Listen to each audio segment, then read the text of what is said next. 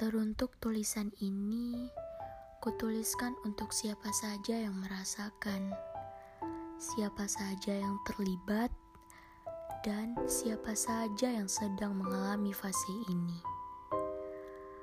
Baiklah, berbicara perihal rasa dan kepercayaan, aku teringat bagaimana sosok yang telah membuatku sadar bahwa sebuah rasa akan terlihat nyata jikalau kepercayaan dapat digenggam dengan erat.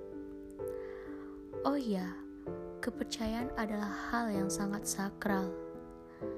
Jika kamu sudah merusak sebuah kepercayaan itu, maka sekali berbuat akan membuat siapa pun tidak akan percaya dengan apa yang kamu lakukan. Apalagi masalah kepercayaan dalam sebuah perasaan. Memang, setiap kita memiliki cara yang berbeda-beda untuk menyatakan bagaimana berperannya sebuah kepercayaan dalam sebuah perasaan. Namun, di balik semua perbedaan cara menyatakan itu, makna yang dimiliki pun tetaplah sama.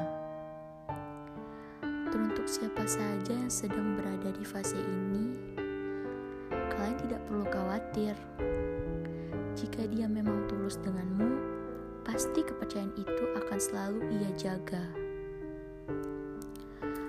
Untuk malam ini, di bawah bintang dan bulan yang ikut menyaksikan, sambil menatap langit yang begitu terang dan damai, ku sampaikan sebuah rasa kepada sosok yang kusayangi sosok di mana yang telah membuatku sadar bahwa sesederhana apa pun perihal kepercayaan itu, tetaplah harus dijaga dan digenggam dengan erat.